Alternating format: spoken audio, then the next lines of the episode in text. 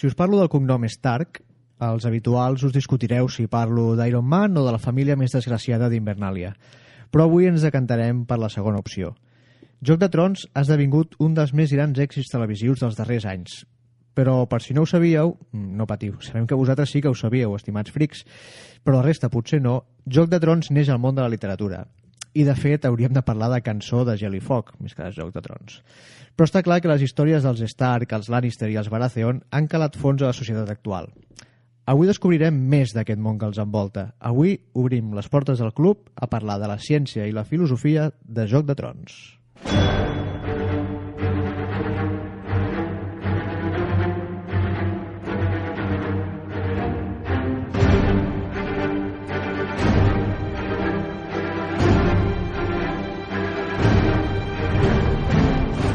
I avui, per parlar del tema, rebem ja un clàssic del programa, un home que ens portarà llum sobre aquest tema, Jordi Ojeda, benvingut. Hola, gràcies, benvingut. I també tenim amb nosaltres un dels coautors del llibre Filosofia de Hielo, Hielo y Fuego, David Canto, benvingut. Hola, bona tarda. I, com cada setmana, m'acompanya el meu conseller, el meu Sir Jorah Mormont. Què tal? Tu no ets la Daenerys, ni estic enamorat de tu. Bé, Però això bé, bona tarda. Eh? és cosa teva, això dius tu. Doncs obrim les portes del club. Som-hi.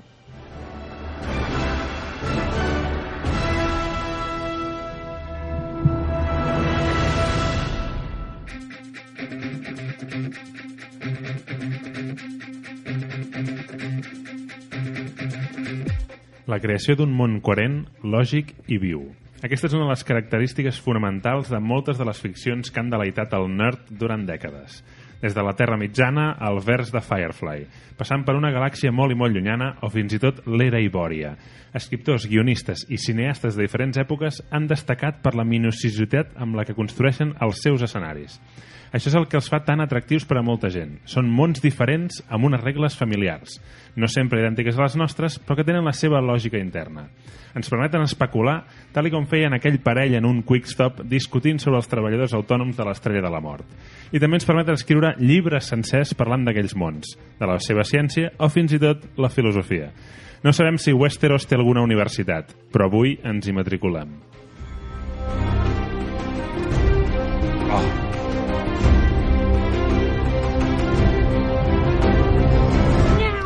Sí, avui he volgut canviar i fer un homenatge als perdedors del duel de, a la fàbrica Mori Sí, què, què, fa, què fas dedicant, dedicant un programa a Game of Thrones? Eh, Doncs mira, és, és una deferència als losers d'aquell debat. jo crec que t'estàs repensant les coses, que, que finalment estàs reconeixent qui és el rei, però bueno, en fi, El groc. tots som Tyrion. Bé, uh, ciència. Volem dedicar el primer bloc del programa al tema de la ciència, perquè, segons el Jordi Ojeda, mm, a Game of Thrones, mm, que normalment quan parlem de Game of Thrones parlem de fantasia, parlem d'una cosa Sí. mm, allò de dracs, de, Sí, sí, sí. de, de éssers de caminantes blancos, etc etc. però tu ens vols parlar de ciència i assegures que Game of Thrones En podem, Dona- en podem aprendre. dona per una hora, com a mínim. I tant. Una conferència de, de, I més, de i ciència. més, i més. Mira, eh, la crítica més gran que, que li fan els professors tant a l'escola com a la universitat és que eh, allò que estàs fent és eh, mm, llunyar la realitat, allò de dir, la, típica, la típica expressió de dir i això per què serveix, això que estem fent? No? En canvi, eh, quan amb aquests eh, mateixos nanos els hi poses problemes de, diguem-ne, de fantasia, de ciència ficció, el que sigui, els fan encantats. No? Mhm. Llavors el el que fas és eh, atraure l'atracció a partir de l'emoció. I el cas de, de Joc de Trons és així. Eh? En podem parlar de moltíssims eh, elements, podem parlar de ciència com a lingüística, eh, com a geologia, botànica, medicina, eh, materials, metal·lúrgia, genètica, també es pot estudiar genètica, Genètica. genètica es pot estudiar, com només mirant els cabells, eh, eh, els ulls, eh, l'alçada, pot- pots eh, explicar molt bé diguem-ne la, geologia, diguem la, la, la genètica diguem de les famílies, eh, botànica, eh, es pot es- estudiar eh, biologia, eh, antropologia també, no? Vull dir que també la, les, les malalties, el mateix protagonista diguem-ne a, a, a, diguem, que, que, que et mostra una, una malaltia en aquest sentit. No? Uh, gastronomia, eh? Vull dir que feia poc mm -hmm. dèiem, eh, hi havia un, un llibre editat que es deia La gastronomia en Joc de Trons. Eh? O sigui que també també en aquest sentit eh, en, en podem parlar. No?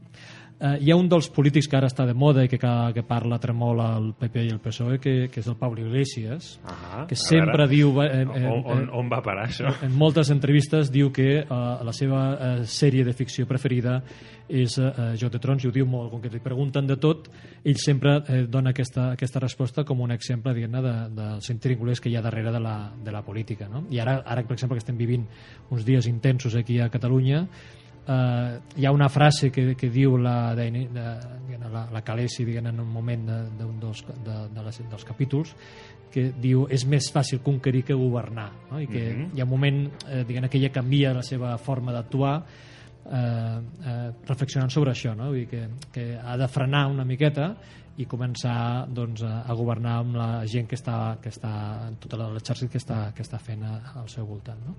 I també és important perquè a vegades eh, llegim eh, aquestes històries o veiem les pel·lícules o llegim els còmics i no som eh, conscients que hi ha coses que s'expliquen que en realitat van passar. No? De, per exemple, el paper aquest de la mà del rei que, que té tanta uh -huh. importància doncs aquest, aquest és un paper que ha existit a, a, a la història de les monarquies europees eh, probablement el més eh, eh, conegut eh, probablement per la ficció eh, ha estat el cardenal Richelieu el cardenal Richelieu era, era la mà del rei diguem, en aquell moment a, a França i, eh, i, bueno, i, de, i bueno, podem fer eh, també anar-nos a l'altra banda que és la banda més, eh, més científica uh -huh. en, en el sentit de, de, de física i de, de, per exemple d'astronomia jo crec que la, la paraula la pregunta que em fa tothom és sobre el tema de, de, de, de, de, de les estacions no? allò de, vale. de que l'hivern està, està arribant doncs eh, bueno, aquest eh, és una expressió degut a que quan comença la,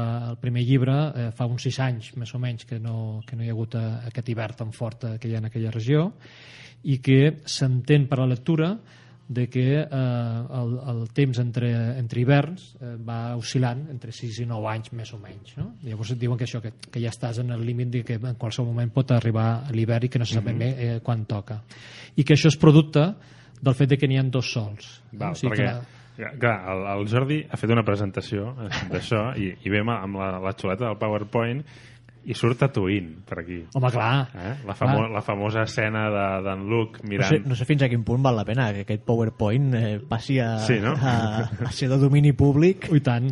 Estaria bé, Ho vam- estaria Ho vam bé. presentar en una jornada que es deia Dra- Dracarys, que es va fer a Terrassa i que, que em van convidar els organitzadors a fer aquesta conferència de la ciència de, de Joc de Trons, eh, que per cert, eh, Dracarys, el nom de la, de la xerrada, és també eh, aquesta part diguem també de ciència que seria la lingüística, uh Ahà. -huh. que s'inventen un, eh, aquest eh, llenguatge valiri i que Dracarys vol dir foc de dragó, de, foc, foc de Foc de drac. drac. Que Això, de, el tema de la lingüística, no? És, és, abans de parlar de la introducció d'aquesta idea de, de crear mons, no? I això és una de les coses super frics de sempre de, de, de les ficcions que agraden a, Sí, als sí. nerds, no? O de parlar Klingon... Klingon, eh, Elfic i, i ara tenim el, el nou que és el Dothraki, no? Que, Correcte. Sí, sí. que- I que, i que diguem, hi ha algú que està preocupant-se de fer un llenguatge correcte, diguem que igual que algú parla eh, Klingon, doncs acabarem parlant el Valeri, diguem. Bueno, de fet, el, el llibre em sembla que són, no arriben ni a, ni a mil paraules en els llibres que surten en Dothraki, però Sí. per la sèrie de televisió han hagut de crear com Unes tres- quan- unes quantes 3.000 o Sí, alguna sí. cosa així. Vull dir Sí, que ja, tenen un, tenen un especialista que, que es dedica només a això i que ha fet altres, ha creat llengües per a altres sèries i que... Llengües i que està per altres pendent. sèries. Sí, Sí, sí, sí, sí. sí, perquè l'altre dia el seguia el, a la gala dels, dels Globus d'Or que deia bé, ens esperarem un altre any perquè no es van dur res Juego de Tronos i, Mhm. Bueno, ja quan acabi la Sí. sèrie ja són de tot. i aleshores ell Bueno. deia això de, bueno, que al- allà el vaig veure al seu Twitter que hi havia doncs això, que fa, fa llengües per moltes sèries Bueno, té un premi eh, eh, a Joc de Trons, que, eh, que això també podria ser ciència econòmica, que és la sèrie més piratejada de, de tot l'any 2014. Sí. Eh? Tot s'ha de dir. Aquí... del, del Aquí- 2014 aquí al 2013 i de, Sí, segona, sí. ho serà el Sí, sí. 2015 Exacte, segurament exacte. No, però la, la, la gràcia és que des de l'HBO no els preocupa gens això perquè ells, No, en absolut. ells al contrari. viuen dels seus subscriptors i, i el fet que, que la gent se la descarregui vol dir que té molt interès i que van augmentant de subscriptors i després comprem els DVDs i comprem tot el merchandatge que, que apareix. Evidentment. No, I di- dintre d'aquest eh, univers friqui que deies ara fa un moment, sembla com mo- molt friqui dir això, que, que vius en un planeta amb dos sols, no? com dius, uh això és el sumum, no? de, ostres, eh, eh, doncs s'ha de dir, o sigui, la pregunta seria, això pot eh, existir sí o no? no? Uh -huh.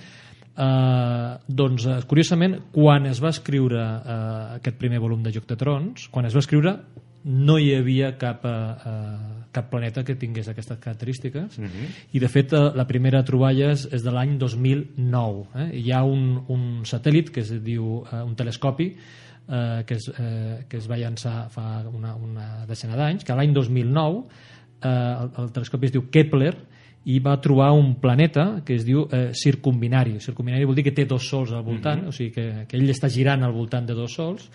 Aquest primer planeta que es va trobar eh, se li va posar el nom de Kep Kepler 16b, Maco. Kepler 16b, però que sapigueu que després... Eh, Com es diuen els habitants? Keplerinos 16... mm, Bueno, Ostres, doncs, uh, s'han trobat uns quants més, eh? Vull dir que ara, el 2012 es van anunciar una, una llista important, diguem-ne, de, de, inclús de multiplanetes, eh? És a dir, que, que n'hi ha més d'un planeta donant voltes al voltant de, del Sol, i per tant, en aquest moment, a data d'avui, podríem dir que sí que, que pot existir. El que sí que s'ha pogut demostrar també eh, científicament és que eh, aquesta irregularitat de, de les estacions no pot ser. No pot ser perquè eh, les estacions d'un planeta eh, depenen de, de moltes coses eh, diguem-ne, eh, diguem-ne, tenint en compte aquest planeta i el, i, el, i el seu sol corresponent. No? Depèn del pla de gir, depèn de l'òrbita, la trajectòria si és el·líptica o, o més circular, i eh, depèn de la inclinació de l'eix. Però sigui quina sigui eh, aquesta, eh, aquesta inclinació o aquesta eh, trajectòria, eh, al final donaríem una estacionalitat eh, cíclica. O sigui, tot seria, aniria repetint sempre cíclicament i eh, llavors no explicaria aquest, aquest fenomen. No? De fet, aquest, eh, aquest Kepler 16b eh, té un dels sols va rodant al voltant de l'altre i el, el Kepler 16b triga 229 dies i un dels sols triga 41 dies en donar la volta a l'altre sol.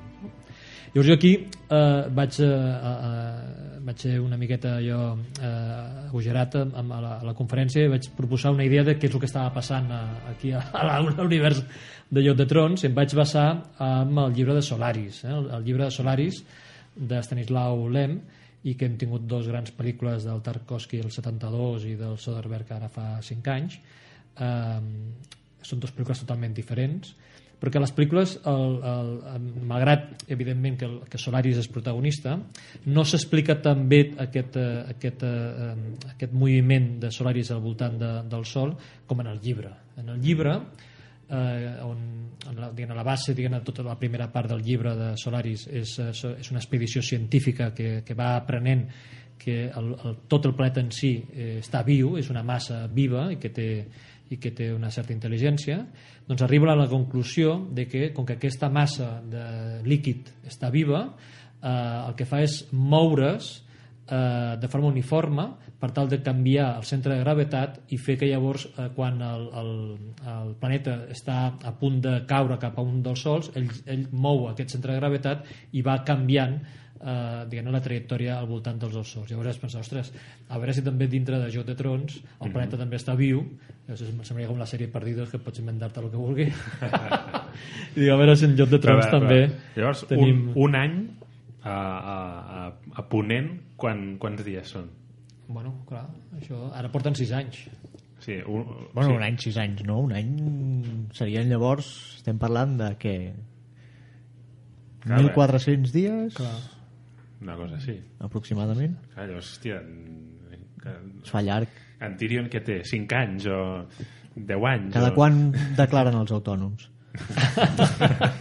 Hi hauria una altra cosa relacionada amb, amb la temperatura, que també es pot parlar i podem comentar, que és el tema de, del mur de gel. El mur de gel, eh, que aquí tinc unes dades que surten al llibre, que té uns, eh, una miqueta menys de 500 quilòmetres, uns 200 metres d'alçada, i no es diu en el llibre, no parla mai de l'amplada, però es calcula que podria ser entre mig eh, quilòmetre i un quilòmetre. De fet, a la sèrie, en moments que diu, eh, ara en, els, en l'última temporada, eh, hi ha un moment que diu, vés a mirar què passa amb la porta, no sé què, i, i, i triga una estona en túnel, arribar. sí, eh, sí. que el túnel es veu llarg i triga una estona en arribar. Doncs, eh, eh, en teoria, amb aquesta estructura, eh, aquests 200 metres d'alçada, més o menys, amb aquest quilòmetre, en teoria, eh, i amb aquesta temperatura en la que estem eh, eh, treballant, en teoria això no pot ser. O sigui, el, el pes faria eh, diguem-ne fondre es, faria fondre la, la part de sota i no, no, no aguantaria. Llavors si diguessis no, no, escolta'm que jo això això s'ha de fer vull dir que de, ha de tenir 200 metres d'alçada i això s'ha de fer llavors s'hauria de fer com una piràmide s'hauria de Ahà. fer inclinat però si llavors si vols els 200 metres d'alçada de la, de la, de l'obra hauria de tenir 8 quilòmetres Clar, d'inclinació Perquè per arribar-hi a dalt ja es veu que està inclinat, perquè és el que dius tu, a baix, quan van a obrir una porta al túnel sí que pot haver-hi mig quilòmetre, un quilòmetre de distància, però a dalt eh, fa 4 o 5 metres, com a molt. Sí, sí, sí. Doncs Però, clar, clar, aquest, aquesta aquest, proporció- pirà, aquesta, aquesta piràmide hauria de tenir 8 quilòmetres d'amplada que no, que no es correspon amb, amb la Això, realitat. això també explica per què diuen que Godzilla tampoc pot existir, no? És el Per mateix, exemple. És el mateix Sí, principi, sí, no? sí, que hauria de tenir unes cames tan... tan o el cor, per exemple, grans. no? si, si hagués de bombejar. Sí, sí. I també hem de dir, també, eh, com a curiositat, que això per aprendre geografia, que el, el mur eh, en realitat és una inspiració d'un mur de veritat, que és el mur d'Adrià, eh, construït pels romans a l'any 122, més o menys, eh, de, diguem-ne, eh, on, on eh, els romans van fer aquest mur per separar la part del nord i la part del sud de- de- d'Anglaterra i, i sobretot per defensar-se dels pictos, eh, que són aquests, eh, aquests eh, guerrers diguem-ne que lluiten contra Astèrix en l'última hora. Hòstia. Sí, sí, sí però, home, per explicar-li als nens hem d'utilitzar tot el que puguem. Tu. Dir, Se'n recorda de l'última hora d'Astèrix? Sí, doncs aquests. Eh? Doncs per, per, per tenir aquesta gent protegida diguem-ne de, dels romans van crear aquesta, aquesta barrera eh, que és una barrera impressionant de, de 500 quilòmetres i que encara queden restes avui en dia i que eh, va impressionar moltíssim ara és, eh, ell diu que fa uns 20 anys va anar-hi amb una visita a veure aquesta, aquestes runes va quedar tan impressionat que va utilitzar aquesta idea per, per Joc de Trons no? Llavors, bueno, al final tot ajuda diguem-ne per aprendre història, per aprendre geografia i per aprendre física diguem en aquest, en aquest cas no? El foc valiri, també. Bueno, el foc, eh, eh, hi, ha, hi ha dues coses eh, que venen de la tradició eh, de l'edat mitja i que, i que s'ha parlat molt eh, diguem, amb, amb, la, amb les guerres, que és el, el, el foc eh, grec i la ser de Damasc. Eh, el, I que a la, a la sèrie de Joc de Trons ho converteixen el foc valiri i eh, a la cert valiri. No? Eh, tots dos han de dir que van existir de veritat. El, el foc grec va existir, de la, és una arma de guerra de l'imperi bizantí, que eh, va ser tan tan secreta aquesta arma, va tan tan tan secreta tan secreta que no se sap que, Com, com estava fet, no? no se sap com estava fet i després ha hagut evolucions diguem entre els grecs, els xinesos i no sé què, però no s'ha no arribat a saber mai eh, com estava fet perquè aquesta, aquest, aquest foc tenia una característica que era el que li feia eh, la por i és que és un foc que crema eh, a l'aigua Mhm. i a sota de l'aigua també A sota de a l'aigua. sota de l'aigua i aquest és, clar, la, la por de dir hòstia, no, no pots protegir si, si et llencen aquest eh, eh, bueno, es deia nosaltres el coneixem com a foc grec però també es deia el foc, el, el foc marí o el foc romà o foc líquid i és, vull dir que tu tenies la sensació de que no et podies escapar o sigui, no? Jo, a mi, a mi em tiren eh, jo estic a l'aigua i em tiren eh, jo estic enmig d'un incendi però tires a l'aigua i dius mira, Ja vaig sortint de tant en tant a respirar no? doncs aquí mm, es veu que no, no et podies lliurar i la ser de Damasc també es veu que va ser un material que va existir i que eh, era reconegut per ser una qualitat insuperable amb, amb, eren eh, eh, ar- espases molt lleugeres molt, molt resistents i molt afilades. I per tant tu, si, si tu lluitaves contra una espasa d'acer de Damasc doncs et podia tallar la teva espasa no? i això s'utilitza al- a, a Joc de Trons on les espases són molt importants. Per no sé quin motiu també hi ha un tema de secret de, de construcció de les espases. Llavors queden poques espases de ser de Valiri en, la- en l'obra de ficció i les espases tenen nom i se saben, se saben quines són no? i eh, recordeu que per exemple quan comença aquesta eh, aquesta última temporada en el primer episodi, la primera imatge recordeu, la primera imatge estan eh, fonent Forjant. eh, Sí. l'espasa de- que es diu gel de, dels Stark i, eh, i la converteixen en dos petites. Doncs eh, eh, la fosa que es veu a la, a la pel·lícula no, no permetria eh, fer aquesta, aquesta acció. Eh? Llavors, va, jo estic a, a casa i dic, bueno... No, eh, Ens estem carregant la sèrie. no, no em puc tallar les venes perquè si no acabaria sense mans veient la sèrie, però bueno, que, que sapigueu que aquestes coses es poden explicar clars i dius, escolta'm, amb aquest tipus d'instal·lacions pots arribar doncs, amb una temperatura determinada, aquesta temperatura no és suficient per fer això que esteu veient, etc. És que com hauria de ser per fer-ho? Perquè si ho feien a Damasc... Com Bueno, no... l'has de portar a l'Elrond Aquesta i- pregunta m'ha anat molt bé perquè justament com es feia demà no se sap. Val. Però bueno, una de les coses típiques de, de com es fa aquest tipus de- d'armes és eh, refredar-les amb, amb aigua i a la sèrie la refreden posant-li unes pells a sobre, em sembla, no? Per tant, això tampoc podia ser. No? Però bueno, eh, eh, t'has de quedar amb la fantasia no? de, del moment i la màgia, diguem-ne, d'aquesta acció que, va ser molt, que és molt maca pel fet de l'impacte eh, que té l'acció aquesta d'agafar l'espasa gran i dividir-la en dos per lo que suposa per, per la història. A veure, això, jo, jo tornant a lo del foc, perquè clar, això del foc que crema... Això t'ha t'ha Això, afectat, no, eh? no, clar, home, és foc que crema dins de l'aigua, ara tindrem els sons, no? Però a veure com es menja això. Doncs eh, és un, un dels misteris. Se sap perquè eh, hi ha, hi ha eh, dibuixos eh, que expliquen aquest tipus de batalles, hi ha eh, històries que, que re- relaten les batalles i se sap que, que va passar així, però no, no es coneix exactament com, diguem quina era la composició d'aquest eh, d'aquest foc. I ningú ha intentat... O sigui, hi ha alguna manera de fer que cremi... O sigui, que algú cremi a dins? O no, Això no, no, ho sé, buscat? no ho sé. El que sí sé és que hi ha hagut una, eh, una variant del foc grec i que va haver-hi versions, diguem-ne, doncs, a, a Grècia mateix, a, també a Orient, a la Xina, i que, i que no, va, no era exactament igual. Que no era exactament igual. Saps qui s'hi ha de posar, això? Ferran Adrià. Ferran Adrià. Jo estic segur que s'hi posa i el tio... Una, una, trobaria. una esferificació de foc valiri, no? Allò... I, i, Hosti, doncs és una bona idea, eh? Li, li proposem, no? Li Proposem, proposar eh? des d'aquí. És una bona idea. Que faci el, un, el restaurante Juego de Tronos. Això al Japó ho farien, veus? Aquí no ho sé. No sé si funcionaria. Però bueno, ja ho parlarem després. Aviam, a, a mi m'ha interessat també el tema genètica. Es, parlat de, es pot parlar molt de genètica Sí. en, en, en aquesta sèrie i, i sobretot que potser tothom que li ve al cap de la genètica és el tema de l'incest, no? Sí. que és un, un dels, dels temes eh, gairebé centrals de... Bueno, no sé si per això el fill està eh, sonat, no? I no sé. En el llibre vostre parleu de que té la cara el lector d'un noi de McDonald's, em sembla que dieu, en el llibre, no? El, el, quin personatge? El Joffrey. El Joffrey. El Joffrey. Però el doncs, Joffrey eh, té... doncs eh, bueno, clar, és el producte de dos germans i llavors no sabem si també això et pot afectar també eh, eh, recordeu els borbons que tots eh, els Sí. borbons també s'han casat sempre entre ells i com estan també, no? Finets. Pobrets. Eh, però bueno, jo, diguem, jo, jo em referia a una forma més senzilla de parlar de la genètica en quant a, jo que sé, el color del cabell, el color dels ulls, eh, l'alçada... Eh, Sí, no, però això és, és força determinant en el llibre, no només en aquest cas, sinó en el cas de, de l'hereu Baratheon.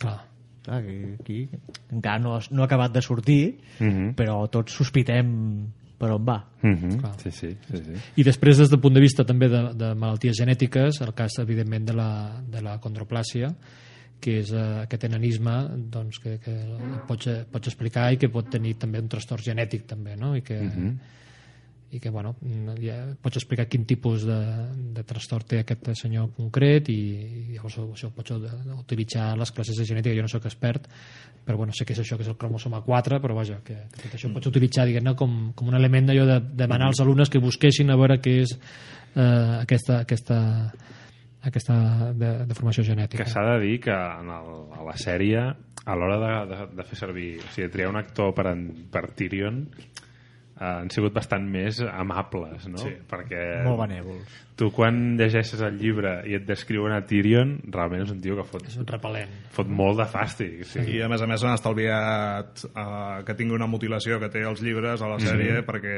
clar, deia que anar amb un mitjó verd durant no sé quantes temporades doncs potser tampoc era gaire funcional. El que deies del Joffrey, el que s'assembla és al, al Calígula.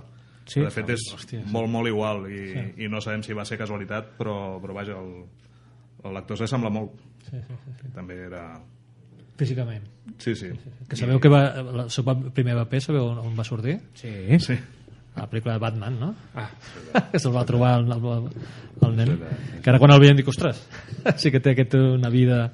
Es veu que és un actor simpàtic, però bueno, El va traumatitzar, la visita de Batman el va, el va trastornar. no, es veu que és un actor... Sí, sí. Però és probablement un dels nens, perquè per molts encara era un, un nen, almenys quan Sí, va començar, sí. més odiats de la història de Sí, la televisió, sí, probablement. segurament. I, I probablement mai hi ha hagut tantes persones adultes que hagin desitjat la mort d'un nen i hagin disfrutat la mort d'un nen, com a Joc de Trons. Però malgrat tot, a mi em va saber greu també, perquè... Va saber greu. Perquè l'odiaven, però ara se'l trobarà a faltar. Trobem eh? a faltar. Va, ja, ja, ja en faltar. sortirà algun, Segur, segur. algun de, de, la, de la línia, però bueno. Sí, sí. I després eh, jo crec que hi ha un tema eh, que, sempre és atractiu pels, pels aficionats que és el, el tema allò de si els dracs poden existir o no Sí. eh? aquesta és la paraula clau Doncs fem una cosa, que és, ja que és la paraula clau i ja podem entrar, eh? aprofitem, deixem el cliffhanger aquí, fem una petita pausa i tornem res en, en una estoneta i seguim parlant de la ciència i la filosofia de Joc de Trons i dels dracs. Ara tornem.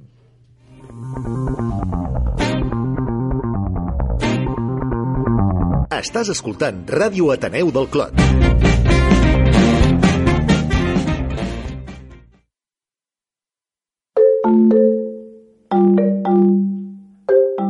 Si t'agrada l'atenció personalitzada i valores el comerç de proximitat, al barri del Clot trobaràs tot això i més a... Món Ibèric, al carrer Mallorca 566. Xarcuteries Bosch, al carrer Mallorca número 558. Vinacoteca, al carrer València 595. Amb la col·laboració de l'Associació de Botiguers i Comerciants de l'Eix Clot.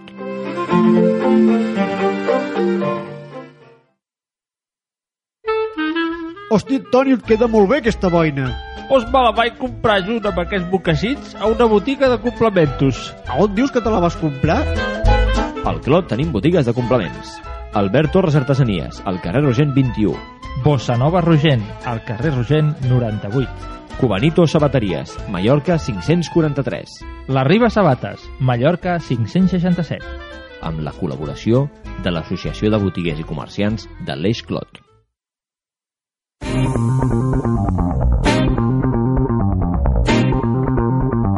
Estàs escoltant Ràdio Ateneu del Clot.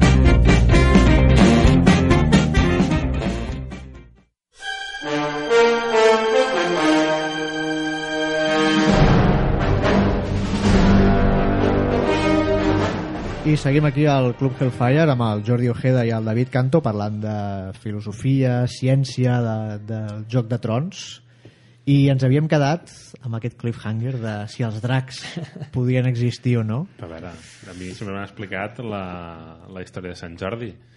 Mm, a Sant Jordi No, no, sí, sí. També t'havien explicat el Però això va ratoncito, passar, el no? ratoncito Pérez. sí. Sí, sí. No, a mi els angelets. Els angelets eren... Sí, jo ratoncitos, hi ha un ratoncito a casa, Home, pues a mi entre un àngel... fotia com d'escombra. Però bueno, sí. No, els dracs poden existir o no? a veure eh, eh, mm, a veure, bitxos que s'assemblin diguem. Vale. Vale, No, directament, no. Que, que s'assemblin, que s'assemblin. Bueno, hi ha un, un pertorat pterodàctil de, que, que hi ha un concret que, que es va trobar a Mèxic eh, que es diu eh, Quetzalcoatlus i que és el, es considera que és el- l'animal volador eh, que, que més gran que, que ha existit eh, mai, que, que podia fer uns 12 metres amb les ales esteses, diguem-ne, no? I que eh, bueno, tenia eh, el, el, mm, diguem-ne, dents amb, eh, tenia el coll rígid i molt llarg, molt, molt llarg. No? Llavors donaria una sensació moderna diguem-ne de, de drac. Eh? Eh, diguem- S'han trobat eh, eh, diversos esquelets eh, allà a Mèxic i, i faria, diguem-ne, seria un animal de fa uns 70 milions d'anys més o menys. Eh? Per tant, aquest, a nivell eh, de forma s'assemblaria. I després, eh, animals que sí que existeixen, eh, que existeixen eh, hi ha un parell, jo, no sóc expert en això, però hi ha un parell que us volia citar. Un és l'escarbat bombarder, l'escarbat eh, bombarder, eh, ell el que, el que fa aquest bitxo és eh, generar una barreja de dues substàncies que ell té dintre del cos separades, que és hidro, hidroquinona i peròxid d'hidrogen, que és aigua oxigenada, i que quan ell se sent amenaçat eh, la, ho junta i fa com una mena una petita explosió no?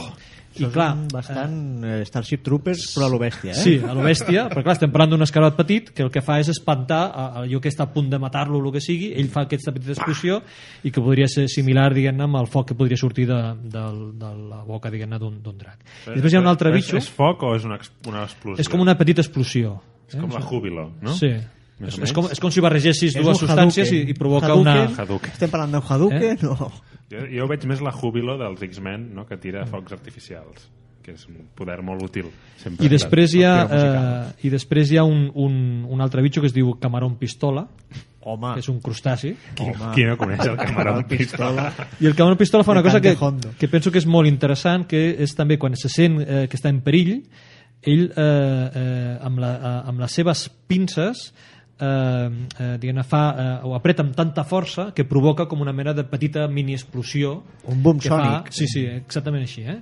Llavors fa que allò que el que estigui molt a prop se sent com, com li dona com un cop no? de dir, ostres, no? que aquí passa alguna cosa. és com Bruce Lee, no?, que colpejava sense, no? Sí, sí, perquè és com sense si... arribar a tocar el... Sí. no, és que, no, que feia no, no, no, a veure, a veure És no. com el Ui, Hulk. ui, que havia tocat. no, Sí, no és toquem una el Bruce Lee, sí. no, era, era el, el, una, o sigui, un cop de puny sense, diguéssim, sense agafar impuls sí, des És diferent, és diferent. Això- però tu- això és a Kill Bill. però tocava, sí, No, no, no, que però- Kill Bill ho va no, no, treure però de t'explico, Bruce Lee. t'explico. El que vol dir l'Àlex és el que fa, en realitat, el, el personatge de Flash, També. que, que, que, que fot una, un cop sense tocar, però això es diu eh, front de xoc. És, un- és, un altre, és un altre tema que és això que, que és al final que l'aire no, És- no és es pot apartar no? La pressió de, la pressió de l'aire i al final li, li dones un cop en realitat no l'has tocat Mhm. Val? però bueno, diguem, jo amb això diria que tenim aquests dos bitxos que provoquen allà una petita explosió i tenim aquest, eh, aquest drac eh, eh, prehistòric que, que podríem dir que és un, un petrolàtil que, que semblaria una miqueta diguem, el que Llavors, podríem- si entre aquests tres bitxos procreessin, teníem Bueno, l'opció de... ah, ja tenia un drac allò un pterodàctil Sí, que sí. se folla al, al Sí, camarón, al camarón Hòstia, pistola. estem, donant, estem donant idees per un nou eh, parque juràssico de Sí, per, a, per la cinquena. Sí, perquè idees en tenen poques. Però bé, anem, a, anem al revés, de, perquè la ciència va sortir de la filosofia, però nosaltres Exacte. ara anem de la ciència a, A la, la filosofia, filosofia, senyor, i per això tenim a, aquí a un dels coautors de filoso, fil- filosofia De hielo y fuego. de hielo y fuego. Uh, primer ens has d'explicar why. per què? Sí, no, si és guai, és guai. Doncs ve una mica també del mateix, perquè el, el Bernat Roca, que és el- el- l'impulsor de- d'aquest projecte, és professor d'institut i amb els seus alumnes parla, bueno, fa- ell fa filosofia i també ha d'aprofitar tots els recursos possibles per, per fer més atractiva la- l'assignatura i, i com, com a, estava molt enganxat a la sèrie de televisió i ha llegit els llibres, doncs va aprofitar el, tots aquests temes per, per treure'n claus filosòfiques. Arran d'això vam muntar un, un, un web, un blog, que es diu Juego de Tronos i la filosofia, i va convèncer el Francesc Vilaprinyó, que és doctor en Història, i els dos van començar doncs, a fer molts articles sobre el tema doncs, bastant, bastant acadèmics. I quan van veure que tenien uns quants, van, van dir, doncs potser això en podem fer alguna cosa i, i portar alguna editorial. Em van trucar a mi per parlar més de la part de, de la sèrie de televisió i, i bé, al final vam convèncer a Viena a l'editorial Viena a través del segell d'Edicions Invisibles a, a fer la publicació de, d'aquest llibre. Però m'estàs dient que aquests dos profes a, a les seves classes han fet servir Joc de Trons? El, el Bernat sí, el Bernat fa, Ah, fa servir a les seves classes de filosofia, parla de, de Joc de Trons, perquè de fet hi ha molts personatges que, que tenen doncs, molts comportaments i moltes arrels filosòfiques. Jo per què no vaig tenir profes així? Ah, això mateix pensava jo. Sí, i les classes d'història, Això perquè mateix. també hi ha, eh, hi ha un munt de personatges que, que tenen arrels històriques. La Daenerys, el Francesc sempre explica que, que s'assembla molt a Alexandra. Mhm, uh, també tota la part del mur d'Adrià. Hi ha molta, de, molta història britànica, la Guerra de les Dues Roses, on hi ha els Lancaster, que s'assemblen molt als Lannister. correcte sí. I, i bé, hi ha molts conflictes bèl·lics. Perquè, de fet, en Martin, el- l'escriptor de, dels llibres originals, fa com 20 anys que, que està enganxat a la història, només fa que llegir història, i diu que no escriu novel·les històriques perquè la gent ja sap com acaben i ell ja sabeu que no li agrada que li endevinin què passarà. No, i si no els mata. Exacte. Sí, ja està. Ell prefereix acabar amb ells quan vol i no quan diu la història. Ai, no, i a més també pot matar més. Sí. No? Perquè és Sí. allò... Malgrat que ell sempre es defensa i diu que, que els creadors de la sèrie de, de televisió, el Many of Young Ways, s'han carregat més personatges que, que ell. Que de la sèrie, quan hi ha alguns personatges que estan morts i els llibres en aquell moment encara estan vius. Per tant, ell diu que no és el més, el més assassí de, Ja. D'aquests es pot fer un estudi sociològic de saber qui ha llegit i qui no els llibres en funció de la reacció de l'episodi de, la, de la bola vermella. Home, és, el- és l'episodi clau. Ja- No, no només... No, i, i me'n vaig més enrere, eh? Al final de la primera temporada, Home, no, sí. clar, que esclar. en el moment en què el llibre veus el que passa i tires endavant per dir a veure, a veure si surt o no surt i t'adones de que no surt No surt, no surt. Que... clar, la sèrie aquí és, és bastant abans que, que la boda i ja te n'adones i la, la, es dividia entre dos grups d'espectadors, els que s'havien llegit els llibres, que eren els que gravaven, els que no els Això havien mateix. llegit. Sí, sí. I així van poder veure tots en directe la, aquestes reaccions. jo recordo estar mirant l'episodi i jo no mirava la pantalla jo mirava la meva parella a veure què Jo no m'havia llegit el, els llibres i, i estava com a la gent dels vídeos amb les mans al cap i m'ha passat moltes vegades a la, veient la sèrie de televisió, que, cosa que fa que, que, que m'agradi molt més que altres sèries de televisió perquè no em passa gaire sovint això, que em sorprenguin tant que, que em quedi esgarrifat. que jo he viscut les dues coses perquè no m'he acabat els llibres mm -hmm. llavors estic veient coses que no, ja la sèrie m'ha sobrepassat i ja ve- veig coses que oh, oh, oh I cada cop passarà més, perquè els que us heu llegit els llibres fins al final, eh, bé, ara aquesta setmana l'editorial eh, del Martin ja ha dit que segurament aquest any no hi haurà un nou llibre, per tant ja portem uns quants anys de- d'espera. Sequera. I... Però falten coses de llibres previs que encara no han aparegut a la sèrie. Eh? I jo crec que hi ha temporades que les ompliran amb allò. Sí. Però ells, els creadors, es van curar en salut i al principi de la temporada passada van reunir-se amb en Martin i van dir, mira, uh, tu fes el que vulguis, nosaltres fem la nostra sèrie, uh, i, i el Martin els va explicar la, Les línies generals què passarà amb els personatges principals. A partir d'aquí, doncs, ells ja poden anar ho fent. saben Ells, sí, només hi ha tres persones al món que sàpiga com acabarà tot plegat i, i són ells dos també els que... No, però és veritat tenen. que, que eh, n'hi ha coses de la, del tercer llibre, del quart, del Sí, segon... estan tots barrejats Hi ha tot aquí, una ja. mica barrejat. I... personatges però que, que ens es estem, ens, estem, fusionen... ens estem anant molt de tema eh? anem, anem, tornem, a la Sí, sí, filo sí. tornem a la filosofia per, per què es pot Estem parlar filosofant massa. per, sí. exacte, no filosofeu tant per què es pot parlar tant de filosofia en una sèrie com, com Joc de Trons no? és a dir, qui, qui, eh, per, per què algú diu no, faré servir Joc de Trons per parlar de filosofia Jo crec que la, la clau és el, els personatges, que, que en Martin escriu els personatges de, que són molt poc tòpics, molt poc plans, són, tenen molta profunditat i molta personalitat, tots ells. I el llibre, de fet, l'hem dividit les dues primeres parts, estan dedicats a un als personatges masculins i l'altre als personatges femenins i, i una del, un dels motius és per explicar això de cada un dels personatges quina de les de les corrents filosòfiques o, o històriques es poden, es poden trobar en ells i, i quins personatges històrics es poden trobar en ells.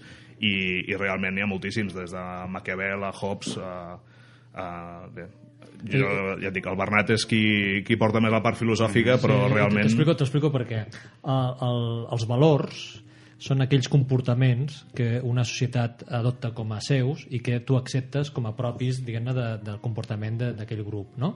i que acostumen a ser aspectes abstractes com pot ser l'amistat, la justícia la moral, eh, la família eh, aquest tipus diguem-ne de, de, la filosofia eh, eh, eh, aquest tipus de, de, de concepte és un concepte abstracte molt difícil d'explicar però sí molt fàcil d'identificar a partir del comportament. I per tant, eh, eh, és molt difícil explicar-te jo tu què vol dir la moral, però sí a partir d'un- d'una escena pot dir-te, veus, això és així i això és assà. I per tant, en aquest cas, amb un professor d'institut, eh, quan vol explicar què vol dir allò, veient un tros de, de la sèrie, eh, li és més fàcil entendre el concepte de lo que, està, de lo que vull explicar. I aquest és el motiu. Aquest és, I, el el, motiu. I a més a més, els personatges mm, no n'hi ha cap que sigui molt bo ni molt dolent. Uh -huh. uh, en Joffrey potser sí que seria un dels més extrems, però... i el, Sí. i el Jon Snow no? potser és el, Sí, el, Jon Snow el, és bonazo el... eh? Serien els dos extrems. Sí, Jon Snow no te enteras de nada però per exemple, el Jamie Lannister, el primer capítol, el veiem llançant un nen des de, des d'una torre i dius, home, uh, no seria el comportament més, més adient. i ara ens comença a caure bé I a mesura que va avançant la, la sèrie, doncs ja veus que potser no era tan dolent, però I això passa que amb us- tots. I el que us queda. la, la gràcia és això, que, que les seves motivacions no són simples, sinó que, que són molt complexes i, i que en diferents moments eh, canvien, evolucionen, i això és el que fa que siguin interessants. Ah, mira, tornar al, al tema al, al tema filosofia, que aquí tens l'índex, no? I ja surt una sèrie de conceptes interessants, no? O sigui, dionisíaco, epicurio, eh, el buen salvaje, no? Estoicismo, eh, no sé, maquiavélico, dir, Déu-n'hi-do, no? Maniqueo, vull dir que déu o sigui, jo això em recorda molt a un, a un llibre que vaig llegir jo en el seu moment que era El món de Sofia no sé si... Sí, és, sí, sí. Que és, per mi és un dels millors llibres que, per explicar filosofia a algú no? i és una mica el que potser està- s'està fent aquí no? És Sí, a dir, van, van a la mateixa línia, eh? aquest? Sí, sí. La, la gràcia del, del llibre respecte al blog, que, que com em deia, els, els articles són més, més acadèmics, més, més elaborats, eh, més, amb, amb més contingut eh, teòric, és que el, el llibre el, vam refer molts dels continguts perquè fossin més accessibles a, a tothom, no només a, a la gent que hagi estudiat molta filosofia, sinó que tothom pugui eh, accedir a, al que s'explica i a més a més que crea, sobretot l'objectiu era crear interès el, a la gent com jo, que només hem vist la sèrie de televisió, a llegir els llibres, que de fet des del primer capítol dedicat al, al Robert ja Mhm. veus que si no t'has llegit els llibres t'has perdut moltes coses de, Mhm. del Robert, perquè bé, el veiem poc a la sèrie i és un personatge que, que és, és, és bastant fascinant. I, i com això amb moltes altres coses i, i bé, jo crec que, que sí de fet molta gent que, que l'ha anat llegint ens ha dit això que la, la curiositat sí que l'ha anat picant Sí, perquè fins i tot el que dèiem, no? amb l'índex, aquestes eh, definicions de cada personatge, si coneixes una mica la, els llibres o la sèrie, ja et dona peu a dir, ah, doncs ara, mira, entenc perfectament de què m'està parlant, no? Aquest Maquiavel que em Mhm. sembla que associeu en, en Peter Baelish, sí. és allò de dir, vale, ara ja sé perfectament què vol dir maquiavèlic.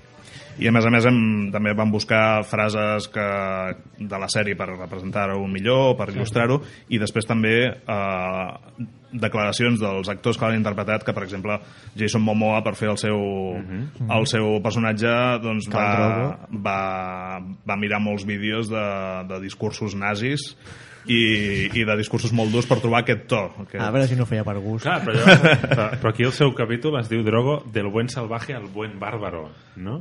Aquí què, què, què es diu de Drogo? Que, era, que és què? És, un, és, és bona persona o no? Perquè si, És que no n'hi ha cap de, que siguin ni bons ni dolents. Eh, Clar, cadascú té les seves circumstàncies i representa el seu paper. Mm -hmm. Clar, Drogo al principi quan el descobrim doncs no ens sembla gaire bo, però clar, ell, ell té la seva cultura, els seus costums i, i accedim a ell a través de la Daenerys i al final doncs eh, ella la- l'acaba canviant acaba canviant, de fet tot l'entorn de- d'aquella cultura Suposo que a la sèrie el canvia ràpid. sí. els llibres tarda més, no? Els llibres tarda més. Triga força més. Bastant més. no, no tenen prou capítols per explicar-ho tot A mi el que m'ha fet... Espera que l'agafi Peter Jackson. Que jo, jo he pogut llegir el, el, el primer capítol del, del, del Robert Baratheon i, i em feia gràcia perquè parla de, de que és com l'anti-Artur, que és un tema, el, el tema artúric que, que hem tocat aquí al, al, al programa i és una mica tot el contrari del que seria el- l'ideal del, Artúric, sí, sí, de, del rei, del bon rei que El rei just. Bueno, just el mateix Stark podria ser, no? que tothom l'estima. Sí, Sí. sí. l'Stark és potser més Artur, però clar, la història de l'Stark no, no dona perquè faci grans, grans miracles. No. Però, però sí, sí. Ara, ha, té una cosa en comú, no?, el Baratheon eh, en, amb, en, El rei Artur. amb el rei Artur, que és el tema de que porta unes banyes de, De Calample. de calample, no? Eh, que aquí, bueno, és el, el tema de l'incest que, que tant ens agrada. Llavors, un altre dels temes aquí és, és que es, diríem que és una sèrie feminista o no, aquesta? No és una sèrie feminista, però a diferència d'altres d'altres mons com el del Senyor dels Anells eh, les dones tenen, tenen molt més pes i són, i són personatges molt més definits perquè la... I més Bueno, hi, interessants. ha, hi ha al final. 3.000 Sí. hi ha 3.000 un- al voltant de 3.000 personatges en, en tots els llibres publicats fins ara i més o menys la meitat és meitat i meitat més o menys eh? ja, ara no recordo quin és una mica més però que més o menys això, això en quant a, diguem, a quantitat de protagonisme diguem. Sí, sí. l'altra cosa és com és aquest protagonisme que això és un altre tema Bé, però és que és un protagonisme que a nivell de complexitat els personatges femenins són molt més complexos que els masculins. són molt interessants perquè la Cersei, final, per exemple, és molt interessant Cersei, Daenerys, Daenerys. Eh, la mm, Kathleen Stark, eh, Arya darrerament, o sigui, són personatges molt més complexes que potser l'únic masculí seria Tyrion i Peter Baelish, però la resta mm, són força més plans. Bueno, i, I això que dèiem abans del Jamie, que ha anat evolucionant... Sí, sí però tampoc és una evolució molt Sí. complexa, val? és bastant més... Bueno, i, el, i el- i el paper de, de com canvien els rols, no? O sigui, tu, tens la parella Drogo eh, eh, Khaleesi i, que, i de cop te n'adones que, que físicament són molt diferents i de cop passa com si els rols es canviessin, no? I ara resulta que ella és la, la dura La i la, la forta i tal. I és una cosa molt, molt estranya. Sí, a la Daenerys hi dediquem dos capítols perquè, perquè té molta, molta teca Sí. i, i parlem d'això de l'art de transformació, d'això de passar a ser d'un objecte a, a ser doncs, un personatge molt poderós, dels més poderosos de, de Ponent. Home, jo per això, per això deia allò del feminisme. Home, si et pares a pensar, dius, la Daenerys, mm, evidentment, és mm, allò, wo- woman power total, no? És a dir, vull dir, mana i comença a, a agafar exèrcits d'aquí i d'allà i convèncer la gent a, que segueixin a una dona, no? Sí, però bueno, Que eh, més en un món així com medieval costa, costa més de creure. Però llavors tens a, a la Cersei que dintre de tot també és una do- dona poderosa i que, i que té molta influència. I després hi ha també la Melisandre, També, Sí, eh? Que, que, com la Daenerys també té aquest element màgic al, al seu voltant. que potser sí que és aquella visió menys eh, amable del feminisme, no? la, la típica zorra, però, però bueno, que, que déu-n'hi-do, no? Aquí cadascú fa el que, el que pot per sobreviure i, i per exemple, l'àrea per acabar, mateixa per acabar amb els sí. seus enemics. Perquè l'àrea també ens cau molt bé, però en el fons, eh, bé, l'última temporada l'hem vist és bastant guerrera i, i el, que, el que ens espera encara. Sí. sí. No, no, déu-n'hi-do. De fet, aquesta última temporada ha estat molt bé per això, perquè a a nivell de, de sèrie, de narrativa de la sèrie, l'últim capítol va lligar totes les trames d'una manera brillant i, i fins i tot aquest últim capítol ens va deixar més ganes de veure la següent temporada que, que temporades anteriors. Ens va deixar tot molt obert i amb molts canvis que, que molts eren molt inesperats. Ja, teniu un tercer capítol, el llibre que ja és més que diríem, varietats Sí, potser, un diríem, calaix de sastre aquí, que clar, ja es, diversos menci temes. ja es menciona Shakespeare es menciona La Bella i la Bèstia Mhm. eh, es menciona Gandalf cuidado, Gandalf ja no està m'ha fet molta gràcia aquest, aquest capítol Gandalf ja no està Bueno, perquè és, és el viatge del, dels, uh, del Frodo i els seus amics, diguem-ne. Clar, aquí no- no tenen un- similar, Similar al, al, dels, al dels nens amb, amb el amb el Hodor, no? Sí que tenen acompanyants, però no tenen aquell mentor, aquella, aquella figura que els guia i, a més a més, amb, aquell, amb el factor de la, de la màgia, que aquí la màgia és molt més difusa i menys poderosa. Uh, també el, es parla de, de Lovecraft, sí, Lovecraft i, uh, i el tema de la Bella i la Bèstia, el, en Martin havia treballat a la sèrie de la Bella i la Bèstia i, i és un, Mític. hi ha molts personatges, que hi ha moltes relacions de personatges que, que són això, Bella i Bèstia, en, en molts moments de, de la història. En quina sèrie? De, de... La sèrie de televisió de, de la Bella la Bèstia dels... La nova? No, no, no, la vella, la vella. La, La, vella, dels la, la, 80... la vella, ah, vella. Sí, abans Sí, de... Ron Perlman. Sí, Sí, abans sí. de ficar-se i, tot això. i Sarah Connor eh? Ron Perlman i Hellboy i Sarah Connor. Vinga. o, o Clay Morrow La mítica Morrow. sèrie. Sí. Però, a veure, Lovecraft com lliga amb, amb Joc de Trons? Això, això m'ho has d'explicar una mica, encara que sigui. Com, com lliga Lovecraft? Eh, perquè jo no el veig, eh? Jo no el veig. Bé, a través del, del, dels Greyjoy, eh, ara no recordo ben bé la- l'explicació, però... El... Però sí que són el que segurament és la família més Més propera sinistra, més- aquest univers. Sí. Sí, sí, de fet, el... clar, jo no he llegit els llibres, no sé, perquè segurament si a la sèrie aquests personatges són tan malvats, la, els llibres encara han de ser molt més... Són molt més. Sí, sí. molt més complicats i, i bé, la, per allà Harrenhal i aquelles zones de per allà dalt la, la, la zona dels Greyjoy és Bueno, veig, no acostar-s'hi veig Ja- els pops. Hi ha força tentacles. Veig sí. tentacles, sí, sí, això és la, veritat. la imatge hi és i, i també hi ha, doncs això, hi ha, hi ha alguns temes que són comuns Aquesta humitat, aquesta Sí. fredor, Aquella cosa. dona, dona peu a que et surtin tulos a casa. I de gons, Sí. no? sobretot de gons, no? sí, no sé si hi ha algun home peix per allà però Bé, doncs, si voleu, Sí, crec que hauríem d'anar... hauríem de deixar Avui som quatre. Som quatre i aquesta secció final pot tenir més teca, per tant, anem al todo lo que mola, todo lo que jode.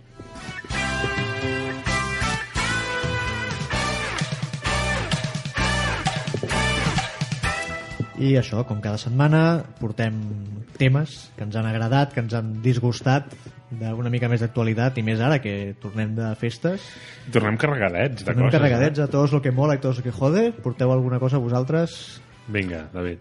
Jo començaré amb una notícia d'avui que, que s'ha anunciat que el Woody Allen Mira. farà una sèrie de TV3. ja me l'ha tret, ja tret. però, No, però, no. però més el, el fet que, que el, aquest en concret, sinó el fet que surtin molts més a moltes més plataformes de creació de, de sèries a, Mm. a Estats Units i també a, a l'estat espanyol com Movistar Sèries que farà una sèrie Perquè pròpia va a Amazon, és? és Amazon, Amazon. que, que s'ha endut dos Globus d'Or per una sèrie molt interessant, per Transparent, i, i és, és molt, molt interessant que això que es vagi di- diversificant i que no només sigui HBO qui faci o Showtime qui faci una, una gran inversió en, en, en, sèries. sèries de televisió i a més a més que hi hagi la diversitat que hi ha i que comenci a haver sèries indies com Togetherness o, o aquesta mateixa de Transparent que doncs bé, això Però, seria... però lo de que Woody Allen faci sèries, realment és un tot lo que mola o és un probable tot lo que jode? Perquè Jo crec que és, que és positiu, com a mínim per, per tendència, per aquesta, aquest Mhm. desembarcament de,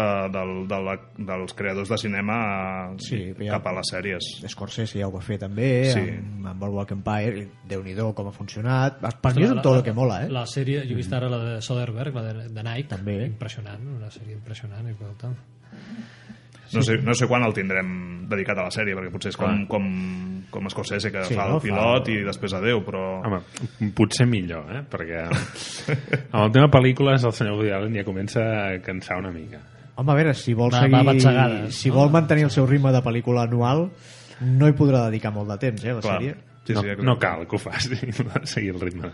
Et veig que estàs, bast- estàs bastant reticent amb el Jo, senyor jo, Allen. era, mo- jo era molt fan de, de Woody Allen i en els últims anys és Jo com... era molt fan.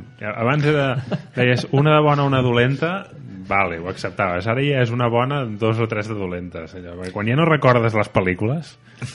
Hòstia, aquesta, Sí, saps? quan la, se- la, barregen. la fan a TV3 i dius, ah, no l'he vist, no em sona el títol i dius, ah, no, sí que l'he vist Ah. malament tenim tot lo que jode, David?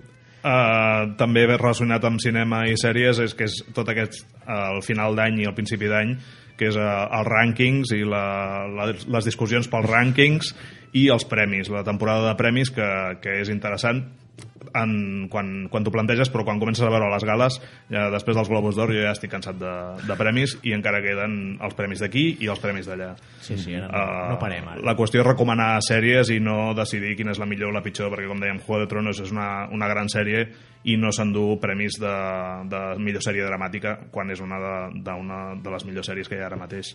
Per tant, el millor és veure moltes sèries i no només allò, veure la pel·lícula de l'Oscar o la sèrie de, dels Emmys o dels Globus d'Or. Bueno, és que potser ens hauríem d'aprendre això dels premis, també igual que quan doncs, en una revista o el que sigui fa el seu top de l'any, com unes simples recomanacions, potser, no? És a dir, això està molt sí. bé. I més que el guanyador, com a mínim, queda't amb els nominats. Exacte. També. Saps?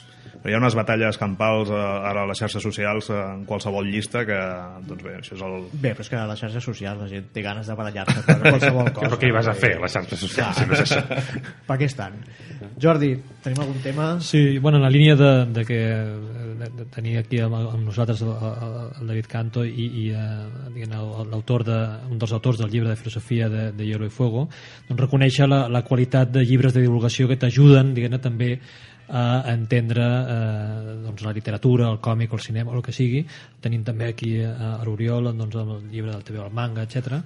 I jo, jo, Escolta, jo, jo haig de dir-ho, eh, tot això ajuda.